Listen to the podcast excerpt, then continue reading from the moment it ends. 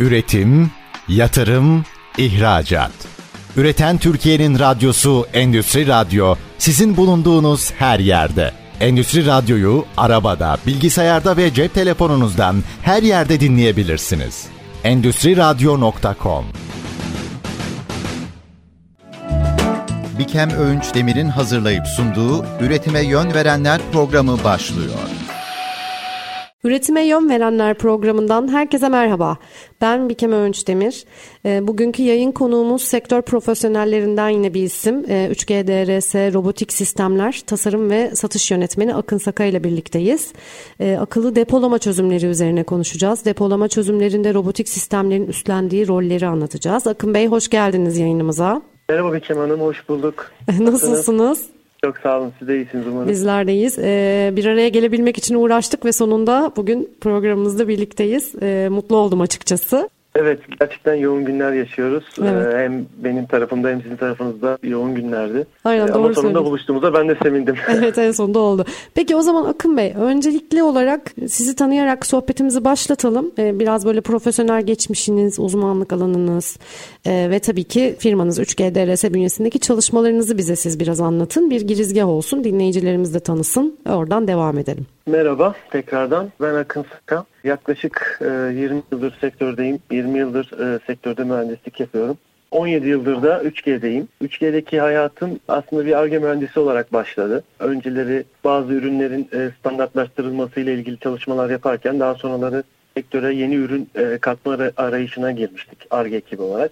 Bu kapsamda tabii çok ciddi e, çalışmalarımız oldu. Yani sektöre e, özellikle 3G olarak e, ciddi ürünleri e, yerleştirme anlamında ciddi çalışmalar yaptık. E, patentlerimiz oldu. Bu ARGE süreci benim için çok eğitici ve verimli bir süreçti aslında. E, bu dönemde e, hem birçok çözümle ilgili hem de birçok ürünle ilgili ciddi bilgi e, birikimi sağladım Hı hı. kendi bünyemde. Bu da tabii bir yerden sonra bizi konuların e, bilir kişisi haline getiriyor. E, şöyle ki bizim ilk başta yap, e, sektör 3G derisi kurulduğunda standart e, manuel rafları üreten bir firmaydı. Fakat sonrasında dünyada yapılan bizim sektörümüzle ilgili gelişmeleri takip ederek ARGE olarak o dönem biz bunları ülkemize nasıl yapabiliriz düşüncesiyle ciddi çalışmalar yaptık. E, bu çalışmalarla birçok ürünü yerlileştirdik aslında. Şu anda deporaf sistemleri aslında temelde bir silsile halinde daha insanların toplayıcı olduğu dönemden itibaren kullanmaya başladığı atlama ihtiyacıyla ortaya çıkmış kavramlar. Ama bu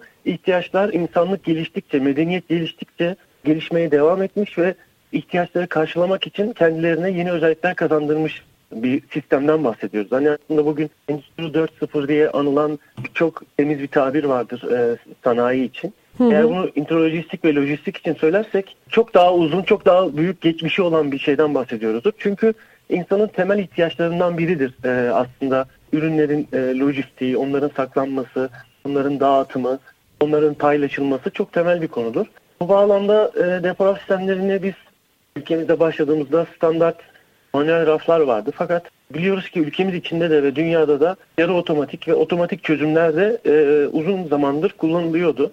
Bunlar nedir? Mesela mobil rek dediğimiz rafların hareket ettiği koridorların azaltıldığı ya da mekik dediğimiz derinlemesine stoklama yaparken yarı otomatik bir şekilde insan faktörünün e, etkisinin azaltıldığı sistemler. E, biz de ARGE olarak o zaman ilk önce bu ürünleri bir yerleştirmekle ilgili çalışmalar yaptık. Hı hı. Kendi mobil rek depomuzu yaptık ki şu anda yanılıyor olabilirim ama bildiğim kadarıyla hala 3G'den başka yapan yok. Öyle mi? Ee, o dönem tabii evet. Ya emin değilim tabii bu şimdi araştırmaya e, araştırılması gereken bir şey. Belki yapanlar olmuştur arada. Ama o dönem için en azından tek ve ilk olduğumuzu da eminim.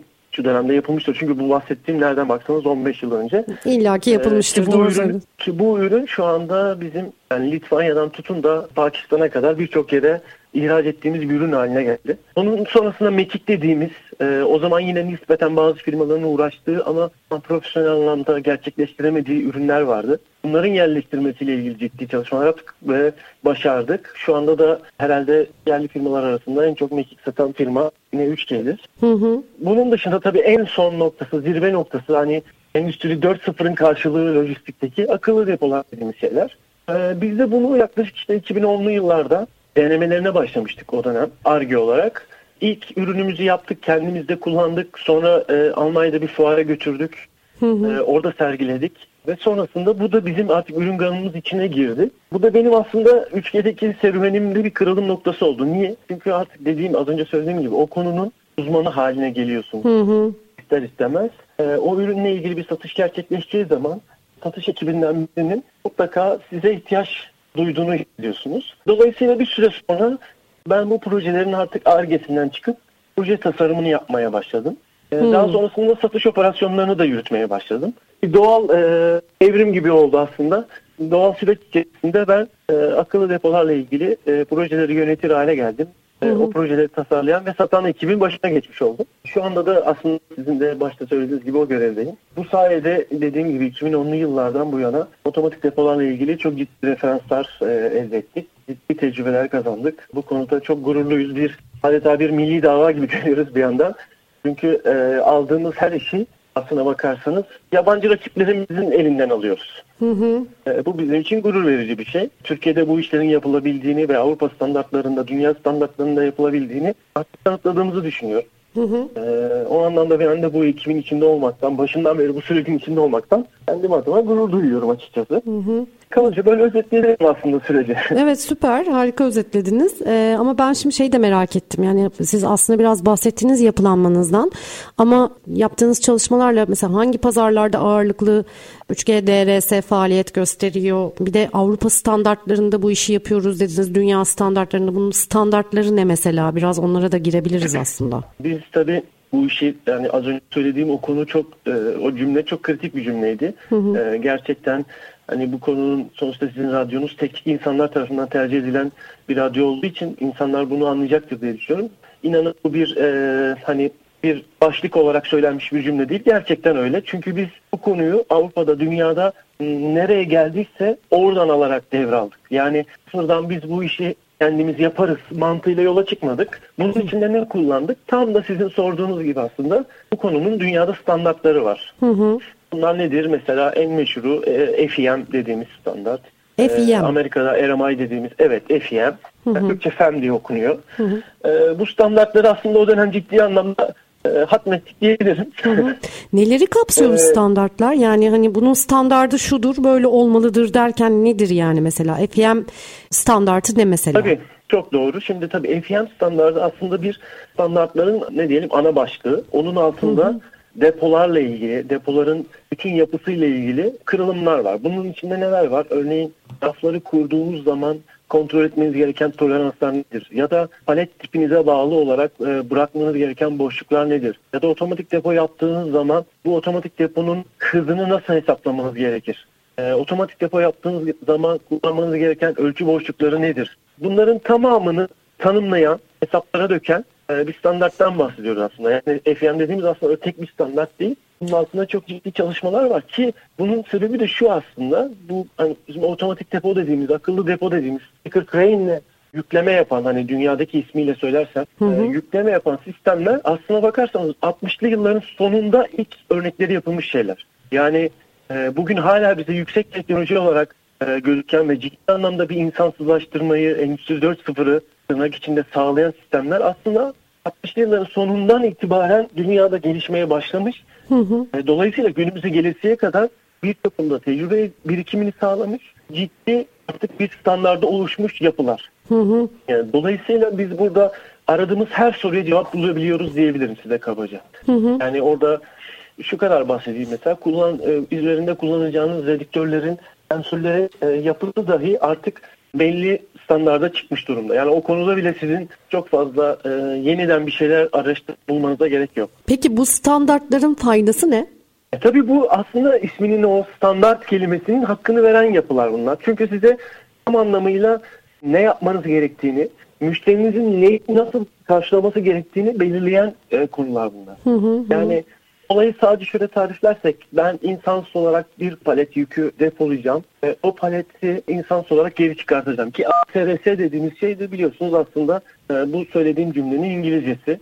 E, Automatic Storage and Retrieval Systems diye geçiyor. Yani otomatik yükleme, otomatik boşaltma sistemleri diye tanımladığım zaman çok geniş bir küme oluyor bu. Yani çünkü ben bunu birçok yöntemle yapabilirim. Evet. Yani insansız olarak stoklayıp insansız olarak çıkartmayı birçok yöntemle yapabilirim. Ama bu yöntemleri kendi içinde değerlendirirken yahut da müşterinizin çalıştığı sektöre göre. Tam onu diyecektim. Yani çünkü sektör evet. burada bence önemli bir e, dinamik. E, nihayetinde sektöre e, özel olarak bu standartlarda farklılaşma olabiliyor mu? Yani hani bilmediğim için soruyorum gerçekten. Tabii ki güzel soru aslında. Şöyle tabii sektöre özel değil ama sizin depo tipinize bağlı olarak ki depolar aslında e, o ilk başta söylediğim o harcı toplayıcılıktan bu yana gelişen yapılar olduğu için inanın e, bazı kavramları çok net artık. Nasıl? Hı hı. Mesela şöyle siz topladığınız ürünün şöyle düşünelim. Ürün çeşitliliğiniz çok fazlaysa, stokladığınız ürün çeşitliliği çok fazlaysa yani hemen hemen her paletiniz şahsına münasır kendi başına bir yediği olmayan bir paletse ya da bir ürünse sizin bu ürünü arka arkaya stoklama şansınız yok ya da e, yığma dediğimiz stoklama şansımız yok. Çünkü sizin T anında her palete ulaşma ihtimaliniz var. Hı hı.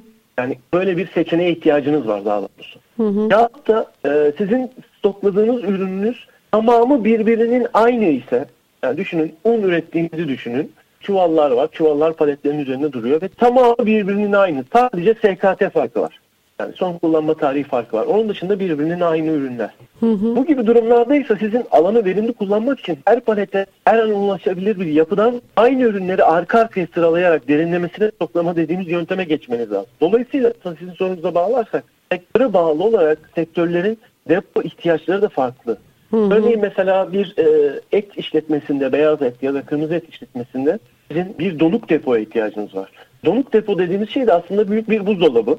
Hmm. E, dolayısıyla o hacmi yani hacim olarak çok iyi kullanmamız gerekir. Yani e, mümkün olduğunca aleti, ürünü içeride stoklayabilmeniz ve içerideki hareketleri hızlıca yapabileceğiniz şekle getirmeniz gerekir. Dolayısıyla burada kullanacağınız sistemler ayrılır. Hı hı. Ya da siz bir otomotiv firmasıysanız artık burada ürünlerinizin çoğunu üretim hattına bağlı olarak paletli değil kutulu kanbanlar şeklinde üretmeniz gerekir. Ee, ve bunları o üretim sırasına uygun şekilde e, üretim besleyecek şekilde yapmanız gerekiyor. Dolayısıyla depo tipinizi buna göre seçmeniz gerekiyor. Hmm, ya da bir kuru gıda sektöründeyseniz ürün çeşitleriniz çoktur. Çok hızlı hareket vardır Hı hı. Ee, dolayısıyla artık burada arka arkaya stoklama yapamazsınız. Her palete her an ulaşılabilir bir yapı kurmanız gerekir. Hı hı. Çok iyi kullanmanız gerekir çünkü alana yayılırsanız çok ciddi stoğunuz olacağı için e, verimsizlik olur. Dolayısıyla hı hı. burada kullanacağınız depo sistemi de bellidir. Aslında bunların tamamının bendeki cevabı belli ama hı hı. şöyle de demek istemiyorum. Yani, yani bunu kullanırsanız işte palet ASRS, bunu kullanırsanız mobil rek, bunu kullanırsanız mini lot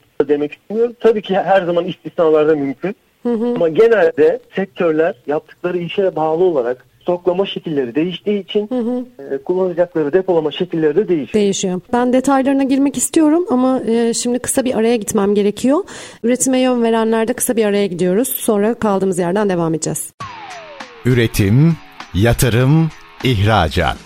Üreten Türkiye'nin radyosu Endüstri Radyo sizin bulunduğunuz her yerde. Endüstri Radyo'yu arabada, bilgisayarda ve cep telefonunuzdan her yerde dinleyebilirsiniz. Endüstri Radyo.com Üretime yön verenler kaldığı yerden devam ediyor. 3G DRS Robotik Sistemler Tasarım ve Satış Yönetmeni Akın Sakay'la depolama çözümleri, akıllı depolama çözümleri üzerine aslında konuşuyoruz. Araya gitmeden önce de Akın Bey'le biraz depo tiplerine girdik. Akıllı depolamaya girmek istiyorum çözümleri ama ben biraz bu depo tipleri konusunu bir kere daha açmak istiyorum. Çünkü mesela farklı örnekler verdiniz. Kırmızı etle ilgili verdiniz, işte kuru gıda ile ilgili verdiniz. Burada önemli olan depo tipi dediniz. Farklı depo tipleri var dediniz. Ee, siz bu depo tasarımı ve projelendirmesi yapıyorsunuz değil mi? Doğru aktarıyorum şu anda Akın Bey. Doğru söylüyorsun. Tamam. Aynen, aynen. Burada şununla ilgili bir şey sormak istiyorum. Şimdi bu depo tiplerinden biraz gene bahsedelim. Hani bir hatırlatma olsun dinleyicilerimize. Ama ben burada şunu merak ediyorum. Bu projelendirmeyi, bu depo tasarımını yaparken işte alanı verimli kullanmak dedik, işte hareketli geçişler dedik, koridorları azaltmak dedik vesaire. Bunun içerisine ortamın sıcaklığı, nemi vesairesi gibi konularda giriyor mu? bu tasarım sürecine? Tabii ki giriyor. Onlara aslında da biraz değinelim. Çünkü akıllı çözüm dediğimizde aslında bütüncül bir şeyden bahsediyoruz. Aynen öyle kesinlikle. Yani o akıllı kelimesini aslında e, hak eden sistemlerden bahsediyoruz. Şöyle ki aslında yine o baştan e, sorularınızın sırayla böyle üstünden geçersem hı hı. depo yani tipleri dediğimiz şeyin temelinde şu var aslında. Depo normalde mesela bir üretim deposundan bahsediyorsanız depo istenmeyen bir şeydir normalde. Niye, niçin böyle söylüyorum? Siz ürettiğiniz ürünü satmak lazım. Yani stoklamak için kimse ürün üretmez. Hı hı. Doğru olan da budur zaten. Yani bir cep telefonu üreticisi ben üreteyim de bunu e, depoma kaldırayım diye üretmiyor. Anında satmak istiyor. Ama burada şöyle bir frekans farkı var. Sizin üretim hızınızla çünkü üretim teknolojisi sürekli gelişiyor işte. Hep söyleyip e, başından beri konuştuğumuz Endüstri 4.0 artık makineler birbiriyle iletişim halinde Evet. insan etkisi azaltılmış. Üretim tekniği sürekli gelişiyor ve belli bir hıza yakalanıyor. Ama satış dediğimiz şey, satış dediğimiz şey aslında hala organik bir şey. Yani üretim e, mekanik olmasına rağmen satış dediğimiz şey hala organik bir şey. Çünkü nihayetinde insan kararıyla hareket eden bir konu. E, dolayısıyla satışın frekansıyla üretimin frekansı çoğu sektör için belki de bütün sektörler için neredeyse farklıdır. Yani siz sürekli belli bir oranda üretim yaparsınız. Her gün atıyorum cep telefonu örneğinden gidersek her gün 50'şer tane telefon üretirsiniz sürekli ama her gün 50 tane telefon satamayabilirsiniz. Bazı günler 100 tane satarsınız bazı günler hiç satamazsınız. Hı hı. Dolayısıyla depo burada gerekiyor. Aslında ne kadar kritik bir yerde olduğunu anlatmak için bu örneği verdim. Çok güzel bir örnek. Evet yani üretim teknolojinizle o satışın organik yapısını dengeleyebilmek için depo ihtiyacınız var. Başından beri vardı, hala var ve hep olacak. Aslında bunu en son pandemide çok iyi anladık. Mesela mutlaka sizlerin e, radyonuzda da konu olmuştur. Siz de belki dahil olmuşsunuzdur. Tedarik zincirleri kırıldı efendim. Yani çok büyük şey, çok temel bir laf oldu. Ne, işte bu neden oldu? Çünkü işte o bahsettiğiniz frekanslar pandemi sürecinde inanılmaz farklı boyutlara geldi. Yani üretimin durduğu ama satışın durmadığı, satışın arttığı dönemler oldu. Tam tersine satışın bittiği ama üretimin devam ettiği dönemler oldu. Bu süreçte çip krizi dediğimiz, işte tedarik zincirleri problemleri dediğimiz konuların tamamı aslında temelde bu e, yapıyla oldu. İnsanların, üretim yapan firmaların depoları böyle bir krize hazır değildi. Dolayısıyla yani bu hem ham madde tarafında tabii ki hem üret, ürün tarafında. Dolayısıyla sonrasında ben bugün bunu net bir şekilde görüyorum ki dünya genelinde trend olarak şu anda depo yatırımları ciddi anlamda arttı. Ben de onu Dünya soracaktım. genelinde. Peki bu Evet. e, kriz nasıl bir etki yarattı? Aynı zamanda farkındalık artınca hani depo ihtiyacı ile ilgili yani daha doğrusu depo hep vardı ama bu depo ihtiyaçları e, e, deponun dönüştürülmesi diyebilirim belki. Yani nasıl bir dönüşüm yarattı? O etkiyi somut nasıl gördük? Tabii ki aslında bunu yani sanayiyle hiçbir ilgisi olmayan insan bile hissetti. Yani herkesin ağzında işte çip krizi vardı ya arabalar gelmiyor. Yani bu bu bile bize oradaki yapının problemini gösterir. Yani en basitinden ilk çocukları bile bundan bahseder hale geldiyse aslında etkinin bize nasıl ulaştığını çok net anlamışızdır. Ee, şöyle ki yani sizin örneğin ben bunu daha önce yine hatırlarsanız 2000'li yıllarda bir kuş gribi olmuştu. Evet. Kuş gribi dolayısıyla birçok e, kanatlı hayvan İtlaf edilmişti öldürmek hatırlıyorum. Evet Hı. iflah edilmek zorunda kalınmıştı. O dönemde ben mesela bunu tavukçularda çok net gözlemlemiştim. Pandemiden önce. Yani tavukçularda mesela Türkiye'deki tavuk sektörü ciddi iyi durumdaki sektörlerde. Yani dünyada belki de beyaz et anlamında böyle sayılı ülkelerden biri olduğumuzu söyleyebilirim. Ee, dolayısıyla ama bu nereden kaynaklı? Üretim yatırımları çok inanılmaz üst seviyede. Yani insan eli değmeden hani tavuğu yenecek hale getiren birçok firma var. Yani benim bildiğim birçok firma var. Ama bu firmaların hiçbiri o dönemde bir anda böyle bir durum olursa tavuk satışları durursa e, sonrasında bir ne yaparızdı düşünülerek bir de yatırım yapmamıştı. Sonrasında ne oldu biliyor musunuz? Bütün o tavuk firmaları tamamında yarı otomatik depolar, e, işte mekik depolar, mobil depolar e, bir anda patlama yaptı. O zaman bu durumda pandemi sürecinde tavukçular çok etkilenmedi mi acaba diyorum bu satışların Onlar daha durmasından. hazırdı. Değil mi? nispeten daha hazırdı. Çok Tabii. doğru bağladınız. Evet. Onlar nispeten daha hazırdı. Ama tabii bu ülke genelinde bahsedilecek bir konu. Dünya genelinde bakarsak mesela hani otomotivde, otomotiv ham maddesinde de e, bunun tamamını yaşadık. Ve belki de bu tabii çok ünlü görülebilir bir durumda değildi yani. Burada onu da hakkını vermek lazım. Yani hemen de bunu niye yapmadılar diye de eleştirmiyorum ama en azından şunu bilincinde olmak lazım. Bir fabrika yatırımı yapılıyorsa, bir üretim yatırımı yapılıyorsa paralel olarak depo ile ilgili e, çalışmalar da başlatılmalı. Yani şöyle bir mantık var çok firmada gördüğümüz. Yani işte şu boşluğa da depo yaparız. Evet var değil mi hala böyle doğru Evet, evet. söylüyorsunuz. Aynen. Yani böyle bu şekilde yatırım yönetilmez. Depo e, sizin üretim kalitenizle paralel olarak seviyesi arttırılacak, hızı arttırılacak bir yapı olmalı. Buna göre başından itibaren yatırımınızı planlamanız lazım. Yoksa sonrasında bu dönüşleri yaşadığınız zaman onlara da şahit oluyoruz. E, ne oluyor? Çok daha başında yapılsaydı verimli olacak, çok daha ucuza mal olacak depolar E yine yapılıyor. Yine yapılmak zorunda olduğu için mecburen yapılıyor ama ne oluyor? Devlet tarafında daha yüksek maliyetlerle karşılanmak durumunda kalınıyor. Daha verimsiz yapılara sahip olunuyor günün sonunda. Dolayısıyla bu yapılar çok önemli. Yani bunu ben şunu bağlayacağım. Depoları derken aslında bu biraz danışmanlık konusu. Tabii ki bizim ülkemizde biraz konular şöyle ilerliyor.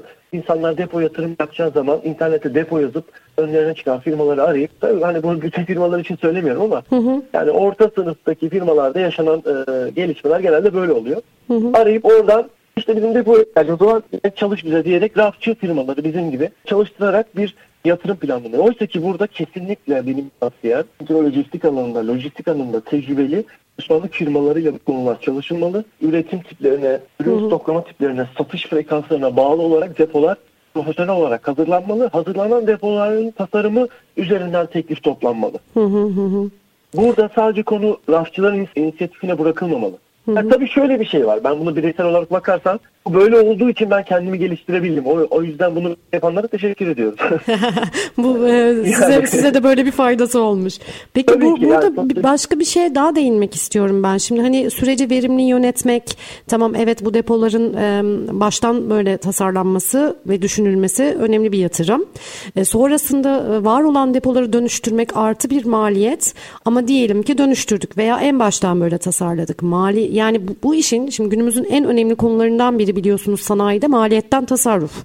Akıllı depolama evet. çözümleriyle yani bu e, üretim tipinize göre bir depoyu doğru tasarladığınızda uzun vadede veya kısa vadede yani maliyetten tasarruf elde etmek mümkün mü? Nasıl bir e, etkisi olur sanayiciye? Kesinlikle. Çok güzel bir soru. Yani hatta şöyle söyleyeyim. Bütün e, maliyetlerinizi, üretim maliyetlerinizi günün sonunda attığınız ürünün fiyatını etkileyecek kadar önemli. Hı hı. Ben şunu gördüm. Bir yakın zamanda yaşanmış bir olay üzerinden e, örnek vereyim. Evet buyurun. Depo tasarımı yapılırken akıllı depo düşünülmemiş ve bir e, dar koridor, e, back to back sistem üzerinden bir tasarım yapılmış. Buna göre bir bina yatırımı başlamış. Bina bittikten sonra da tabii bizimle temasa geçiyorlar. E, orada da bizim hani biraz ikna yöntemlerimizle bunun daha faydalı olacağını anlıyorlar ve e, akıllı depoya dönüyorlar. Hı hı. Akıllı depoya döndükten sonra tabii ki ne oldu biliyor musunuz?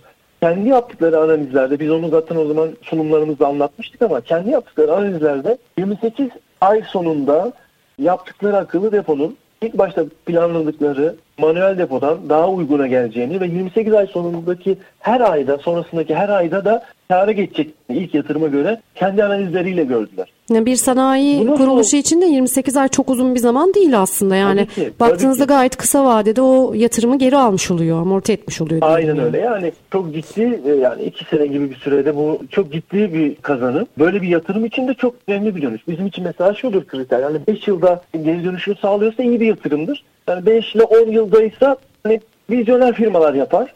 Ama 5 yılın altındaysa zaten bu bir ihtiyaçtır. Hemen yapılması lazım. Hı. Dolayısıyla e, o firma da bunu gördü ve o yatırımını yaptı şu anda. Çalışıyor depomuz. Hı hı. Orada mesela neydi bu fark oluşturan şey onu söyleyeyim. Ee, bu bahsettiğiniz firma hangi sektördendi Akın Bey? Ben orayı kaçırdım. Tekstil. Tekstil. tekstil mesela sektör. tekstilden de böylece bir örnek vermiş olduk yani. Evet hiç bahsetmemiştik. Aynen, aynen. Ha, buyurun devam edin. Yani mesela orada fark oluşturan şey neydi? Şu mesela ilk başta bizim akıllı depo yatırımımızla o manuel depo yatırım arasında bakarsanız uçurum bir fark var. Yani hı hı. bizim yatırımımıza vereceği maliyet e, manuel depoda vereceği payet başı maliyetin neredeyse e, 3-4 katı. Çok daha pahalı gözüküyor yani ilk başta. Hı hı. Fakat işin içine orada kullanacakları işte istifleme araçlarının maliyeti, istifleme araçlarında e, çalışacak operatörlerin maliyeti, ürün hızının yavaşlamasının oluşturduğu e, sevkiyat maliyeti, en önemlisi oluşacak insana bağlı oluşacak hataların maliyeti üst üste eklendiğinde aslında bu yatırımın o ilk başta yani rakamları karşılaştırdığımızda gördüğümüz fark gibi değil, tam tersi yönde olduğunu kendileri gördüler. Hı hı. E, ve öyle de oldu. Yani dolayısıyla konuya böyle yaklaşmak lazım. Hı hı. E, yani sizin ürünü stoklarken, ürünü sevk ederken onu yanlış gönderme, yanlış stoklamanın size bedeli ne onu hesaplayabiliyor olmanız lazım. Hı hı. Bunu hesapladığınızda zaten akıl depoyu kendiliğinden e, tercih edeceksiniz diye düşünüyorum. Hı hı. Bütün sektörler için. Peki yani yani aslında baktığımızda artık akıllı depolama çözümleri işte bu sistemler her sektör için sana her tür sanayi kuruluşu için üretim yapan olmazsa olmaz aslında. Peki siz ağırlıklı hangi sektörlerle çalışıyorsunuz 3G DRS olarak? Yani tabii ki bizim e, çalıştığımız sektörler şu anda biz akıllı depolarla ilgili 10 yıldır yaklaşık 2010'lu yıllardan beri e, çalışıyoruz ve e, genelde ülke içinde çalışıyoruz. Hı hı. Yani yurt dışına da verdiğimiz çalışmalar var, projelerimiz var ama gerçekleşme anlamında bakarsanız ülke içinde ger- e, gerçekleşiyoruz. Bu da doğal olarak aslında sizin sorunuzun içindeki gibi biz bütün sektörlerle ilgili proje çalışıyoruz, proje geliştiriyoruz. Hemen her sektörde de örneğimiz var. Yani savunma sanayine yaptığımız akıllı depoda var, tekstil de var, otomotiv de var, e, makine sanayi de var. Ama bunların ağırlıklısı nedir derseniz e, gıda sektörü. Hı hı. Onun da çok basit bir açıklaması var. Çünkü Türkiye'deki ağırlıklı sanayi gıda, sektörü, gıda hem, sektörü. Hem öyle hem de aslında çok hassas bir konu değil mi gıda yani? Evet e, tabii aynen. Biz de orada dediğiniz gibi işin içine artık son kullanma tarihleri, e, hijyen gibi konular girdiği zaman. Tabii onun e, saklanması, ortamın da, nemi, evet. ışığı her şey giriyor aynen. işin içine aslında baktığınızda. Aynen, çok dinamiği aynen, var gıda yani, dediğimizde. Gıda tipine aynen. göre bile değişir. Yani yanlış mı düşünüyorum? Evet. Yani et süt ürünleri başka. Yok. Siz zaten bahsettiniz. Kuru gıda başka, meyvesi sebzesi başka. Yani hepsinin Kesinlikle. ortamı farklı. Yani bunun dediğim gibi içerisinde bizim yaptıklarımızın içerisinde işte makarna üreticisi de var, yemeklik yağ üreticisi de var, işte tereyağı üreticisi de var, cips üreticisi de var. Bunun tamamı gıda sektörü bakarsan. Hepsi de birbirinden ne kadar farklı. Biri, aynen bambaşka firmalar, bambaşka standartları olan firmalar. Ama işte yani bir üst başlıkta topladığımızda gıda sektörünün ağırlığını biz görüyoruz. Yani kendi yaptığımız tecrübelerde. Hı hı. Ee, bu da dediğiniz gibi yani birincisi gıda sektörünün kendine has e, dinamikleri olması, kendine has hassasiyetleri olması burada çok önemli. Bir hı hı. ikincisi de Türkiye'deki ağırlıklı sektör zaten gıda sektörü olduğu için hani Doğru. bunun böyle ortaya çıkıyor olması da çok normal. Hı hı. Peki çok teşekkür ederim Akın Bey. Bunun özelinde bu akıllı depolama çözümleri özelinde konuşmaya devam edeceğiz. Ee, ancak tabii ki şimdi kısa bir araya gideceğim. Üretime yön verenlerde akıllı depolama çözümleri üzerine konuşmaya devam edeceğiz. Şimdi kısa bir ara. Üretim, yatırım, ihracat. Üreten Türkiye'nin radyosu Endüstri Radyo sizin bulunduğunuz her yerde. Endüstri Radyo'yu arabada, bilgisayarda ve cep telefonunuzdan her yerde dinleyebilirsiniz. Endüstri Radyo.com Üretime yön verenler devam ediyor. 3G DRS robotik sistemler tasarım ve satış yönetmeni Akın Saka ile konuşuyoruz. Akıllı depolama çözümleri özelinde bir e, sohbet gerçekleştiriyoruz. Pek çok şeyi aslında masaya yatırdık Akın Bey ile. Depolama çözümleriyle ilgili işte akıllı olmasının sağladığı katkıları da konuşuyorduk biraz önce. Ee, özellikle maliyet tasarrufu özelinde, hataları minimize etme özelinde. Buradan böyle bir hatırlatma yapabiliriz Akın Bey aslında. Hani hem de konuyu açmış oluruz. Akıllı depolama çözümleri özellikle gıda sektörü özelinde hatta örnekler verdik. Akıllı dediğimizde yani bu depolama çözümleri ne gibi faydalar sunuyor sanayiye? Şimdi tabii akıllı depolama çözümü dediğimizde aslında başından beri belki de yapmamız gereken bir tanım var. Onu hemen yapalım. Hı hı. Yani bir akıllı depo dediğimiz çözümü dediğimiz sistem birçok farklı bileşeni bir arada kullanan bir yapıdan bahsediyoruz. Ve bu bileşenler nedir? En temelinde tabii ki bütün depolardaki gibi raflar ve taşıyıcı konstrüksiyonların olduğu, sonrasında bir istifleme makinesinin olduğu ama kendi bünyesinde barındıran bir sistem olması, dünya genelindeki ismiyle bakarsak Stacker Crane, hı hı. E, istifleme ya da bizdeki marka söylersek Paşa'nın olduğu sistemde. Sonrasında ürünlerin buraya gelmesi ve buradan dışarı çıkmasını sağlayan aktarma sistemlerinin olduğu işte konveyörler gibi, shuttle'lar gibi sistemlerin olduğu bir yapı ve bunların tamamını yöneten yazılım katmanlarından bahsediyoruz aslında. Hı hı. Yani ayrı ayrı buradaki raftan, e, robottan, konveyörden bahsetmek çok doğru olmaz. Çünkü bunlar bir makinenin beraber çalışan dişli çarkları gibi. Hı hı. En üstte de bir yazılım var. Bu yazılım bu sistemin doğru çalışmasını sağlıyor. Yani akıllı dediğimiz kısmını sağlayan şey orası aslında. Bunu da nasıl sağlıyor? En üstte tabii ki bütün artık e, tesislerde olmazsa olmaz bir ERP yazılımı vardır. Yani Hı-hı. kaynak yönetim yazılımı vardır. Bu yazılımın altında depo yönetim yazılımları vardır. Bunlar genelde e, firmaların farklı e, lokasyondaki depolarını tek bir kaynak üzerinden yönetmek için kullanılan yazılımlardır.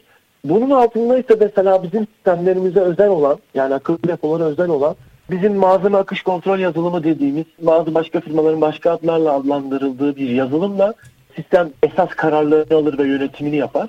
Bunların altında da PLC dediğimiz e, her makinenin kendi hareketlerini kontrol eden yazılımlar vardır. Dolayısıyla bu hem mekanik olarak hem e, yazılımsal olarak karmaşık yapı tek bir başında söylediğim gibi tek bir makine olarak, tek bir sistem olarak çalışır ve müşterinin, kullanıcının ihtiyacını hatasız gerçekleştirilmesini sağlar. Hı hı. Bunu da nasıl sağlar? Başında belirlediği algoritmaları çalıştırarak aslında Yani siz içeride yapacağınız hareketleri başında kuracağınız senaryoyla e, çalışırsınız müşterinizle. Yani buradaki ürünlerde şu öncelik olacak. İşte atıyorum mesela e, gıda sektöründen bahset, bahsettik. E, gıda sektörü için şunu diyebiliriz mesela. Şu sezonlarda bu tip ürünleri daha önde bulundur gibi bir algoritma Hmm. e, oluşturursanız o sezonda geldiğinde o tip ürünleri daha öne çeker ve onun hareketlerini kolaylaştırır, hızlandırır. Ya akşam e, mesailerinde insan olmadığı işte o mesainin bittiği dönemlerde depo arkadaki e, boşluklarını öne doğru çeksin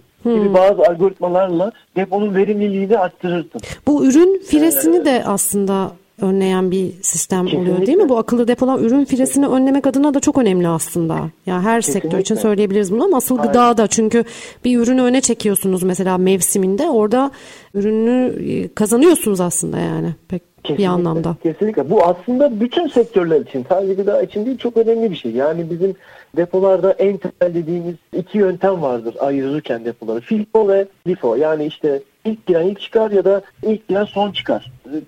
Kısımların ilk kısaltması. Bu mantığı hatasız olarak yönetebileceğiniz e, yerlerdir ki son dönemde aslında bu FIFO LIFO'nun dışında FEFO dediğimiz ilk önce çıkması gereken yani SKS'si dolmuş olanın önce çıkmasını yöneten yapılar da bu sistemlerle sağlanabilir. Şöyle ki mesela özellikle FEFO'da şunu söyleyebilirim çok rahat bir şekilde. Oradaki mantık şudur yine gıda örnek verirsek. Normalde ilk giren ilk çıkar e, bir gıda için en mantıklısı gibi gözüküyor değil mi? Yani bir şey ilk üretilmişse onun en önce satılan ürün olması lazım. Yani yoksa öbür türlü e, son kullanma tarihi biter ve bozulur. Oysa ki bazı ürünlerin son kullanma tarihi bir depo düşünün 3 ayken bazı ürünlerinki bir hafta olabilir. Hı hı. E, Dolayısıyla sadece ilk giren ilk çıkar gibi yönetemezsiniz depoyu. Her zaman ilk giren ilk çıkar ama önce çıkması gereken varsa SKT'si dolayısıyla onu daha önce çıkar. Gibi bir mantıkla kurmanız lazım. Bunu da ancak işte böyle akıllı sistemlerle hatasız yönetebilirsiniz. Yani başa dönecek olursak şöyle demiyoruz. Ee, hemen hatırlatırım. Ya şuradaki küçük bir alanı da depo yapalım. Burası da depo olsun diyebileceğimiz bir konu değil. Yani komplike ve içerisinde gerçekten çok Kesinlikle. farklı dinamikleri barındıran bir konu akıllı depolama dediğimizde. Ben burada hemen başka bir parantez açmak istiyorum. Ee, şimdi üretim süreçlerinde çevre dostu ve enerji tasarruflu yaklaşımlar öne çıkıyor. Bu konuda akıllı depolama ile ilgili söylenebilecek bir şeyler var mı? Kesinlikle var. Kesinlikle var. Sonuçta biz en temelde şunu söyleyeyim. Sizi şu anda günümüzde hala birçok firmada dizel yükleme araçlarının, dizel forkliftlerin olduğunu düşünürsek biz bundan arındırıyoruz. Bir elektrikli bir sisteme geçiriyoruz. İkincisi bizim yapılarımız genelde burada bizim diyerek anlatmam lazım. Çünkü bütün akıllı depolarda bu böyledir diyemem. Ama çoğunu için söyleyebilirim. Jeneratif enerjiyle çalışır. Yani bu ne demek? Elektrik enerjisini işte de mesela bir e, yük- yükü kaldırıp e, götürürken kullanıyor kullanırken boşta kaldığında ya da frenleme yaptığında oluşan enerjiyi sisteme geri besler. Hı hı. Yani oradan bir rejeneratif enerji sağlar. Dolayısıyla bir çevreci yanı çok güçlü vardır. İkincisi karbon salınımını bu anlamda siz e, dizel yakıtlı ya da işte içten yanmalı motorlar kullanmayarak azaltıyorsunuz. Bunun yanında elektrik enerjinizi de geri besleyerek azaltıyorsunuz. Ciddi anlamda karbon salınımını azaltmış olursunuz. Bir, ikincisi ise akıllı depoların belki başından beri bahsetmemiz gereken en önemli temel konularından biri de yüksekliği verimli kullanıyor olması. Hmm. Yani siz bir manuel depoyla e, günümüz şartlarında maksimum 15-16 metrelik yüksekliklerde çalışırsınız ki bu maksimum dediğim de çok artık riskli sahadır. Özel taşıma araçlarına ihtiyacınız var ve ciddi profesyonel operatörlere ihtiyacınız var. Akıllı depolarda ise yani 40 metreler, 45 metreler ülkemiz şartlarında dahi mümkün. Dolayısıyla siz aynı metrekare alanında, taban metrekaresi olarak söylüyorum, aynı metrekarede 2000 palet stokluyorken manuel depoyla örnek veriyorum. E, akıllı depoya geçtiğinizde bu kapasiteniz bir anda 4000, 5000, 6000 olabilir. Hmm. Dolayısıyla bu yön bu anlamda da bir çevreciliğimizden bahsetmemiz lazım bence. Ee, çünkü öbür türlü ciddi anlamda arazileri kullanıyor olmanız lazım aynı kapasitelere ulaşmak için.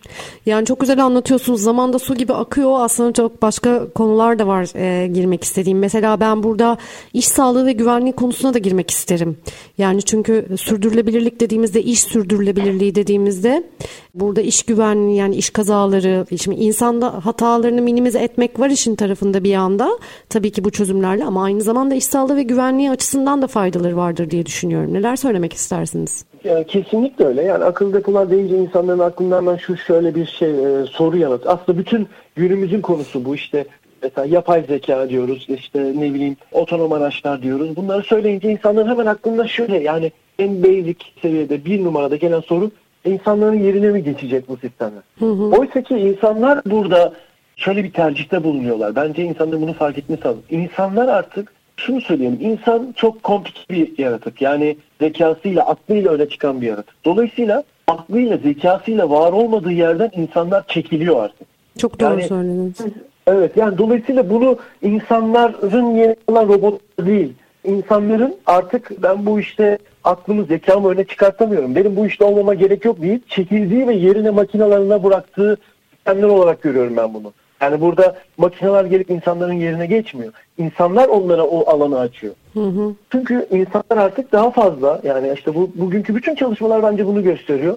Yapay zekayla işte akıllı sistemlerle otonom araçlarla çok katma değer üretmedikleri yerlerde olmak istemiyor insanlık artık. Hı hı.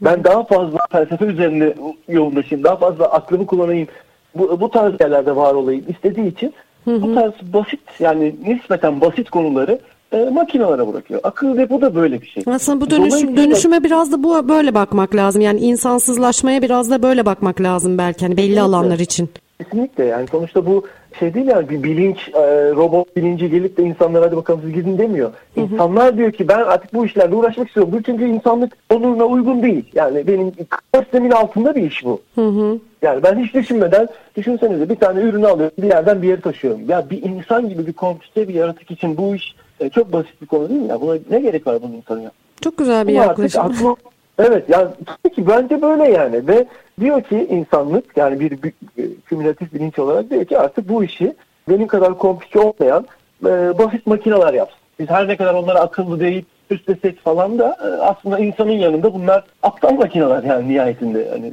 tabiri caizse.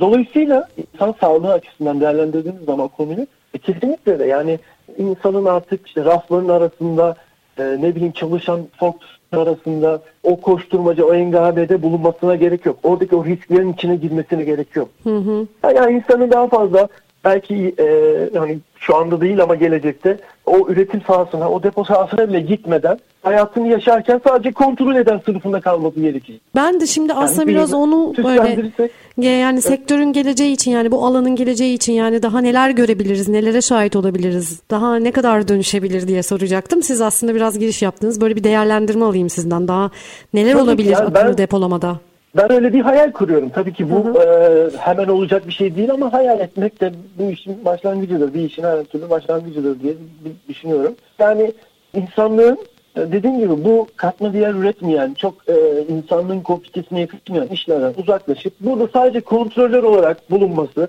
ve burada da bulunmasına gerek kalmadan yani ne bileyim bir gitar kursundayken ara sıra açıp yani depodaki duruma bakarak işi yönetebileceği seviyeye geldiğini hayal ediyorum ben. Hmm. Yani çünkü bunu sağlayabilir. Yani bu komplikeliği, e, bu seviyedeki komplikeliği makineler yapabilir. Bunun üstündeki karar vermeyi ama mesela bu yapıyı kurarken e, algoritmalardan bahsettim. Mesela işte sezonluk değişimler, akşamları yapılan e, hareketler, FIFO takipleri. Bu algoritmaların arkasında tabii ki insan olacak, insan aklı olacak ve bu yapıyı insanoğlu sürekli geliştirmeye devam edecek hı hı. ve kontrol eder olacak. Ama içerideki bu operasyonları, operasyonun operatif işleri artık makineler yapacak. Hı hı. Ki bu da bize aslında belki de ne bileyim daha fazla e, sanat yapmayı, daha fazla bilim yapmayı sağlayacak, zamanı sağlayacak. E, dilerim öyle olur. Ne güzel olur değil mi? Peki e, Akın Bey programımızın e, yavaş yavaş artık sonuna geliyoruz. Ben böyle biraz da çünkü artık nihayetinde 2023'ün de sonuna geldik. 2024'ten neler bekliyoruz? Hedefleriniz, projeleriniz neler? 2023 nasıl geçti sizin için? Son olarak bununla ilgili de böyle bir görüşlerinizi alalım. Sonra da programımızı kapatırız. Yani 2023 sektörüne bakarsak tabii ki o pandemi etkilerinin azalmaya başlaması, bir yandan da pandemi etkilerinin olumlu anlamda et, e, görüldüğü e, bir yıldı. Yatırım yatırımların araştırıldığı, ciddi yatırımların altyapılarının yapıldığı bir yıldı. Hı hı. Ben 2024'ümde bunu takip edeceğini e, ve yatırımların devam edeceğini, dünya genelinde devam edeceğini düşünüyorum. Özellikle depo üzerinde. Hı hı. E, ama tabii yani siz böyle bir genel soru sorunca ister istemez hani 2023 nasıl deyince şu günlerde Yani üzülmemek elde değil. Yani. İsrail'deki durum, Filistin'deki durum yüzünden. Yani iyi bir yıldı demek içinden gelmiyor. Ama tabii sektörel cevaplayarak veriyorum. Tabii. Ee, tabii ki bizim bizim açımızdan ciddi anlamda yatırımların başladığı e, ve e, ciddi yatırımların olduğu bir yıldı. 2024'te de bunun devam edeceğini düşünüyorum. Çünkü insanlar artık yavaş yavaş sektörler, firmalar, yatırımcılar bahsettiğim faydaları görmeye başladılar. Hem kendi etraflarında hem e, kendi yaptıkları araştırmalarda bunu görmeye başladılar. Bir, bir ikincisi bence burada çok önemli bir fayda 3G'nin. Çünkü bu yatırımlar daha öncesinde hep yani işte Avrupa'dan ithal edilmesi gereken e, yüksek maliyetli e, yatırımlardı. Oysa ki artık bu yerli olarak yapılabildiği, e, dünya kalitesinde yapılabildiğini 3G kanıtladı bence. E, dolayısıyla yatırımcılar artık bunu da göz önünde bulundurarak her türlü servis imkanında teanında aynı dili konuştuğu insanla e, görüşebileceğinin de farkına vararak, daha uygun maliyetle bunu yapabileceğini ve yönetebileceğinin de farkına vararak bu konulara daha fazla eğiliyorlar. Bunu net bir şekilde görüyorum. E, dolayısıyla ben hem üretici tarafında hem de yatırımcı tarafında önümüzdeki yılların ekspansiyonel büyüyeceğini düşünüyorum açıkçası. E, yani önümüzdeki yıllarda ciddi üreticiler ve yatırımcılar göreceğiz diye düşünüyorum. Harika. Çok teşekkür ederim. Hem e, çok pozitif e, yaklaşımlarla devam etti program hem de güzel anlattınız, açıkladınız. Sizin böyle bu profesyonel yaklaşımlarınız bana da böyle umut verdi 2024 için. Olumlu yaklaşımlarınız. ben teşekkür ediyorum programımıza katıldığınız için, değerli bilgilerinizi paylaştığınız için Akın Bey. Ben de teşekkür ederim. Dilerim Çok başka bir programda tekrar bir araya geliriz. Sevgili dinleyicilerimiz, Üretime Yön Verenler programı bugünlük sona erdi. 3G DRS Robotik Sistemler Tasarım ve Satış Yönetmeni Akın Sakıya ile beraberdik. Akıllı depolama çözümlerini konuştuk. Bir sonraki programımızda yeni konu ve konuklarımızla görüşünceye kadar hoşçakalın.